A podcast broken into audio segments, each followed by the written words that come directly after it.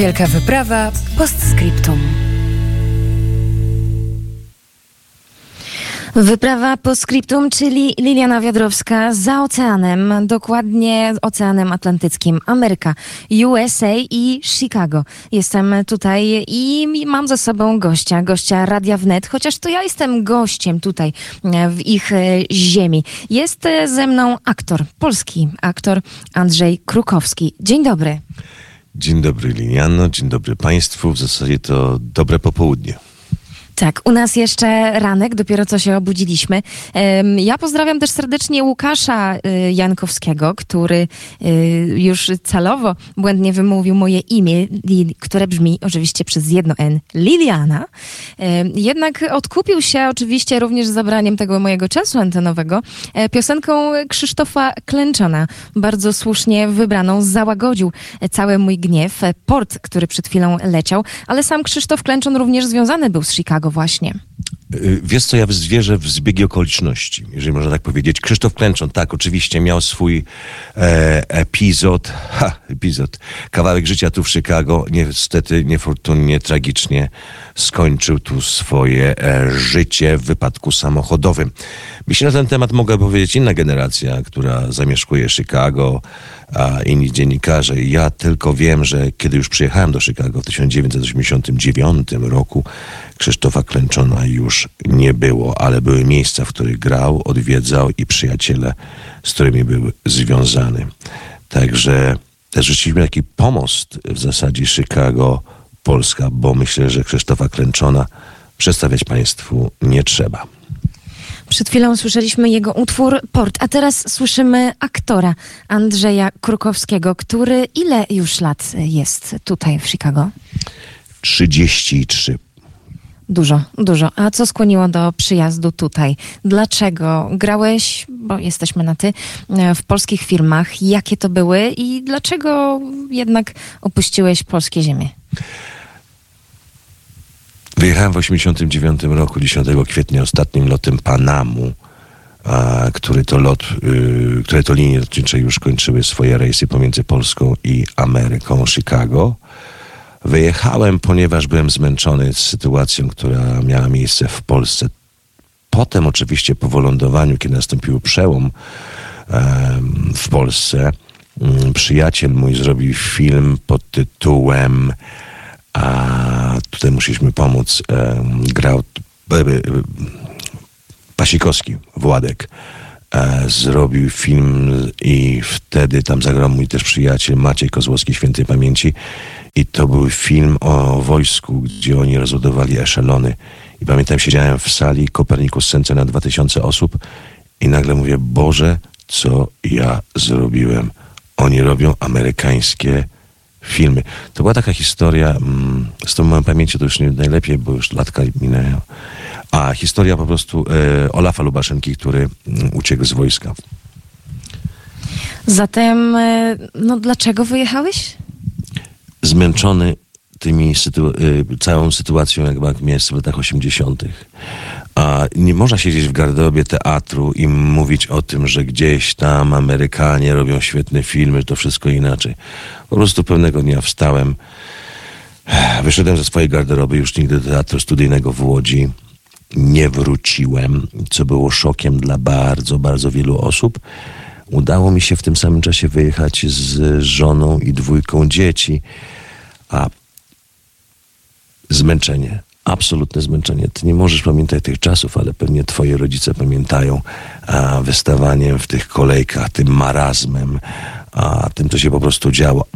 Proszę pamiętać, że zaraz w czerwcu był okrągły stół, a w jesienią, e, bodajże w październiku, runął berliński mur. I jesteś mimo wszystko związany tutaj z teatrem dalej. Jakie były twoje początki? No oczywiście przyjechałem. E, wylądowałem w mieście Chicago tylko na chwilę, bo to był kierunek albo Nowy Jork, albo Los Angeles. No przecież z takim dorobkiem jak miałem, gdzie grałem pięć filmów rocznie, e, dużo premier w teatrze. E, oczywiście byłem bardzo arogancki. Po prostu nie rozumiałem, dlaczego na przykład nikt mnie nie chce. I tutaj otrzymałem taki potężny cios w kubeł zimnej wody. Jeżeli do czegoś chcesz dojść, to zacznij od początku. I za, pamiętam, że po wylądowaniu trzy miesiące siedziałem w takim jakimś opętaniu, gdzieś jakieś klimaty, jakieś znajomi Portorykanie i nie mogłem się z tego absolutnie podnieść. I potem powolutku, powolutku zacząłem. Ale oczywiście przyjechałem jako gość. Ale dostałem swoją lekcję i teraz tego nie żałuję. Wszystko się odwróciło. Po 33 latach jestem bardzo zadowolony, jestem bardzo spełniony jako aktor, twórca, reżyser, właściciel teatru, założyciel teatru, współzałożyciel teatru. Świetna komunikacja między mną a kobietami, bo ten teatr składa się z kobiet. Więc y, naprawdę nie ma powodu, żeby narzekać, ale swoje, tak jak każdy imigrant, przeszedłem. Też coś o tym wiem, żyjące sześć, właściwie prawie już siedem lat na emigracji. E, zrobiłeś takie zastanawiające się um, i mimo że widzę tutaj, spotykam mnóstwo Polaków, którym zmienił już się akcent, już jest taki bardziej amerykański. E, ty mówisz doskonale po polsku. Jednak zastanawiasz się, tak właśnie radiowo, kiedy ktoś o czymś myśli, to ja później muszę to edytować, wycinać. Sama też czasami robię te błędy, mówię y albo e, niektórzy też mówią, a wy Amerykanie mówicie am, jakbyście głodni byli faktycznie. To już jest takie zmiany. Czy ty, twój teatr kierujesz głównie dla Polaków tutaj, e, czy jednak też masz amerykańskich widzów? Pięć lat temu zaczęliśmy adaptacją, inscenizacją balu w operze Juliana Tuwima. Potem przyszedł mm, Gombrowicz, potem przyszedł Baczyński, Herbert. Powiem ci tak, to jest dla widza polskiego, dla widza wybranego polskiego. Powiem tak, przyjaciele, znajomi, dyrektorzy teatrów z Polski dzwonią do mnie, rozmawiamy, mówią, ale to ma strasznie ambitny repertuar. Ja mówię, do czego oni się przyczepiają? I wtedy sobie świadomiłem jedną rzecz. Teatr w Polsce funkcjonuje w ten sposób, że musi zadowolić widza ambitnego raz na rok, ale też musi spełniać warunki repertuarowe, na przykład w mniejszych ośrodkach teatralnych, gdzie ten widz przychodzi, dostaje miłą, lekką komedię. Pani z dzisiaj, pani Krysi powiedziała, że pan z dzisiaj ją bardzo kocha. Ja nie muszę tego robić nie muszę używać tego rodzaju kompromisu.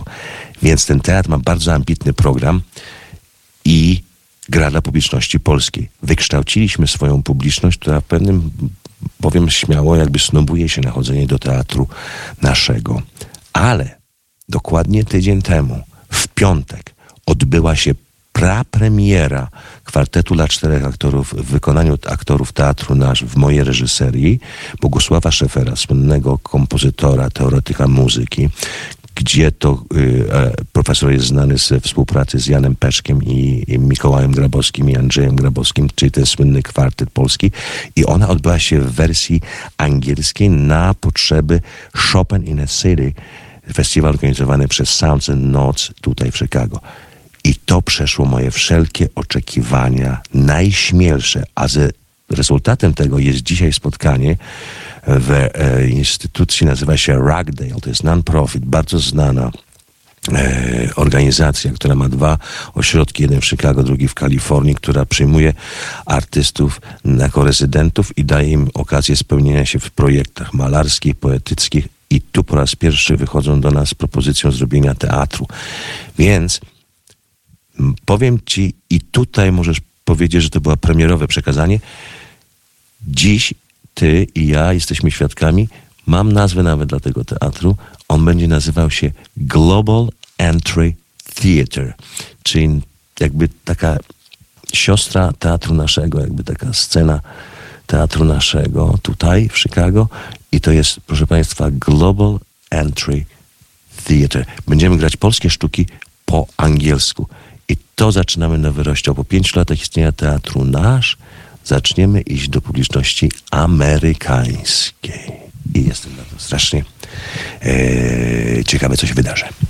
I również ja jestem ciekawa, e, wolność to jest Ameryka. Ty e, uciekałeś z tej Polski, która niekoniecznie jeszcze wtedy była wolna. E, zatem posłuchajmy Marka Grechuty, którym wczoraj zainspirowałeś mnie, kiedy umawialiśmy się na tę rozmowę. Marek Grechuta, wolność, a Państwo zostańcie z nami.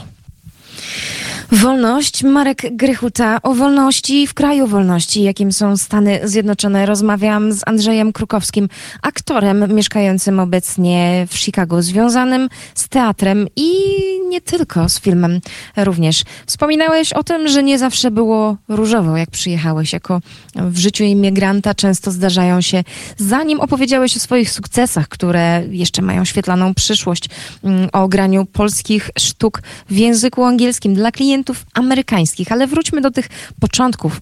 E, jak było, zanim ci się udało? Bo to nie jest takie proste spakować walizki całej rodziny, przyjechać tutaj. Co robiłeś na początkach? W początkach swojej kariery, kariery, drogi do kariery tutaj na e, ziemi Indian. E, wiesz co, podoba mi się taki ten klucz, który wymyśliłaś, czy jest muzyka klęczona, port, teraz puściliśmy Grechutę Wolność.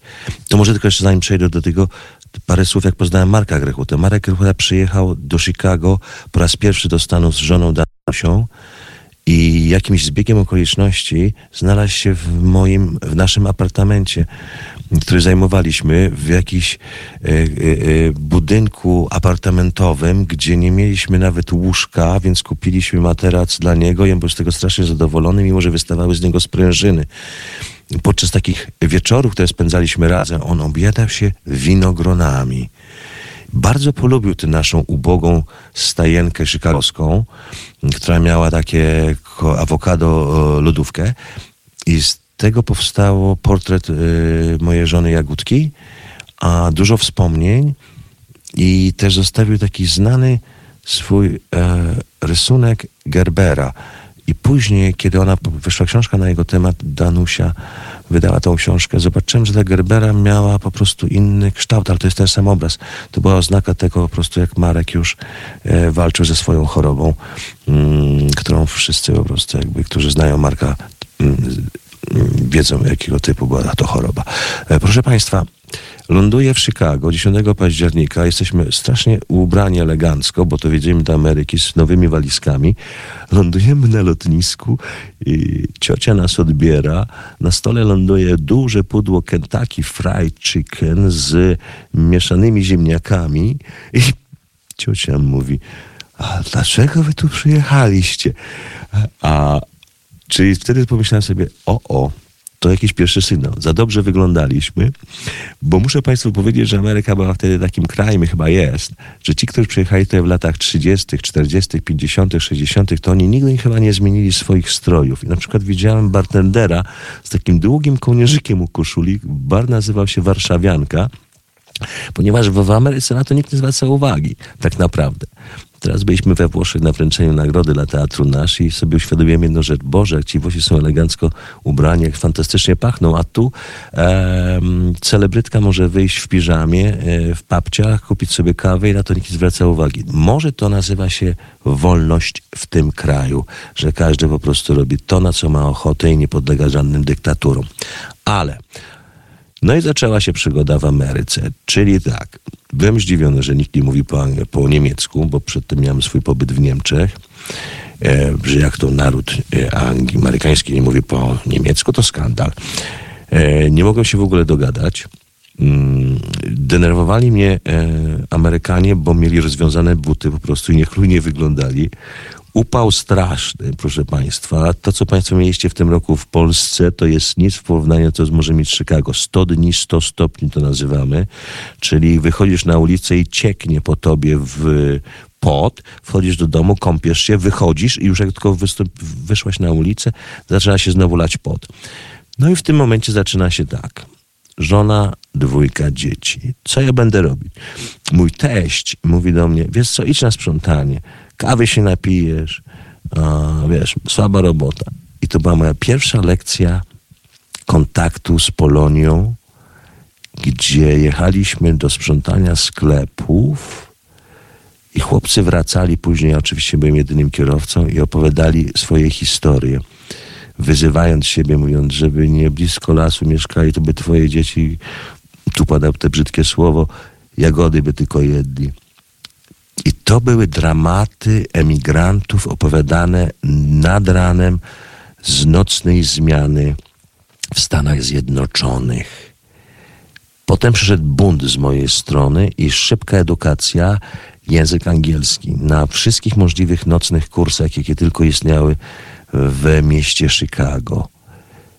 Potem to w zasadzie już można pisać książkę, bo był i restauracja, i był taki okres, kiedy poczułem się, mm, że to jest American Dreams, my to nazywamy. Przyszły potężne pieniądze, naprawdę duże pieniądze. A w takim boomie lat 2000, y, kiedy po prostu budowaliśmy dużo i to w takich okolicach, które były bardzo popularne, znane tutaj w Chicago, no ale potem przyszedł rok 2008 i wszystko utopił a skończyło się, że moi partnerzy, z którymi pracowałem, popełnili samobójstwo. Był nas czterech muszkieterów, trzech z nich odeszło, a ja dostałem wyrok, że mam raka. I wtedy podjąłem decyzję, że a jednak będę walczyć, żeby dać świadectwo za tych, którzy polegli. Używam może takich górnolotnych słów, ale ci trzej przyjaciele, z którymi dorobiliśmy się mm, dosyć z dużego, że tak powiem, majątku, odeszli, a ja zaczynałem znowu z walizką i z żoną, która po prostu nie rozumiała, co się stało. No, ale proszę Państwa, mamy 2022 i wszystko wygląda fantastycznie, perspektywicznie jak to w Ameryce. Czy na pewno tak jest? A czy zdarza się jednak mimo wszystko ten sen emigranta? Wiesz, to już nie jest Polska, e, którą zostawiłem w 1989 roku. Podróżuję do Polski. Te pierwsze podróże były bardzo, bardzo emocjonalne. Ja wpadałem na przykład do Łodzi, spotykałem się z Władkiem Pasikowskim, z Pawłem Endelmanem i opowiadałem im historie, które pamiętałem z czasów, e, a oni szli dalej. I wtedy zrozumiałem sobie jedną rzecz, to jest, co nazywa się takim symptomem jakby człowieka w zamknięciu. Człowiek w zamknięciu, w sytuacji, nazwijmy to po imieniu, w więzieniu, na emigracji, strasznie pielęgnuje pamięć, detale, widok drzewa, a, kolor wody, pierwszy pocałunek z dziewczyną. On to wszystko pielęgnuje. I to jest taka sama alegoria jakby z, z więzienia. Dziwimy się często, że ludzie, którzy wychodzą na wolność po siedzeniu wyroku, robią najmniejsze głupstwo, żeby potem, żeby wrócić szybko do więzienia. To jest tak zwana recydywa. Ja to rozumiem, bo to samo myślę przeszedłem, jeżeli chodzi o, o, o emigrację. Pielęgnowałem sobie wspomnienia tamtego kraju, po czym jak pojechałem, zetknięcie było dosyć brutalne, bo ten kraj zaczął się zmieniać, bardzo szybko się zmieniać. Pozostało mi tylko pielęgnować te wspomnienia wewnątrz siebie i być może gdzieś przy końcu uda mi się opowiedzieć je w jakiejś publikacji, w jakichś wspomnieniach, pamiętnikach, może książce, ale wtedy usłyszycie Państwo prawdę, prawdę i tylko prawdę. Tak mi dopomóż Bóg. I tutaj chyba postawimy kropkę, chociaż raczej przecinek. E, ta historia będzie miała kontynuację i ta rozmowa również, gdyż Andrzeja Krukowskiego, który dzisiaj jest gościem Radia Wnet, usłyszymy jeszcze w podcaście. Godzina 17.56 w Polsce. U nas dochodzi 11. A teraz, jak już zrobiło się sentymentalnie, to e, kolejny utwór, tymczasem z repertuaru Happy Set, o wielkich podróżach i o wielkich wygranych, czyli Happy Set są momenty takie, rozmawiała Liliana Wiadrowska. Wielka wyprawa postscriptum.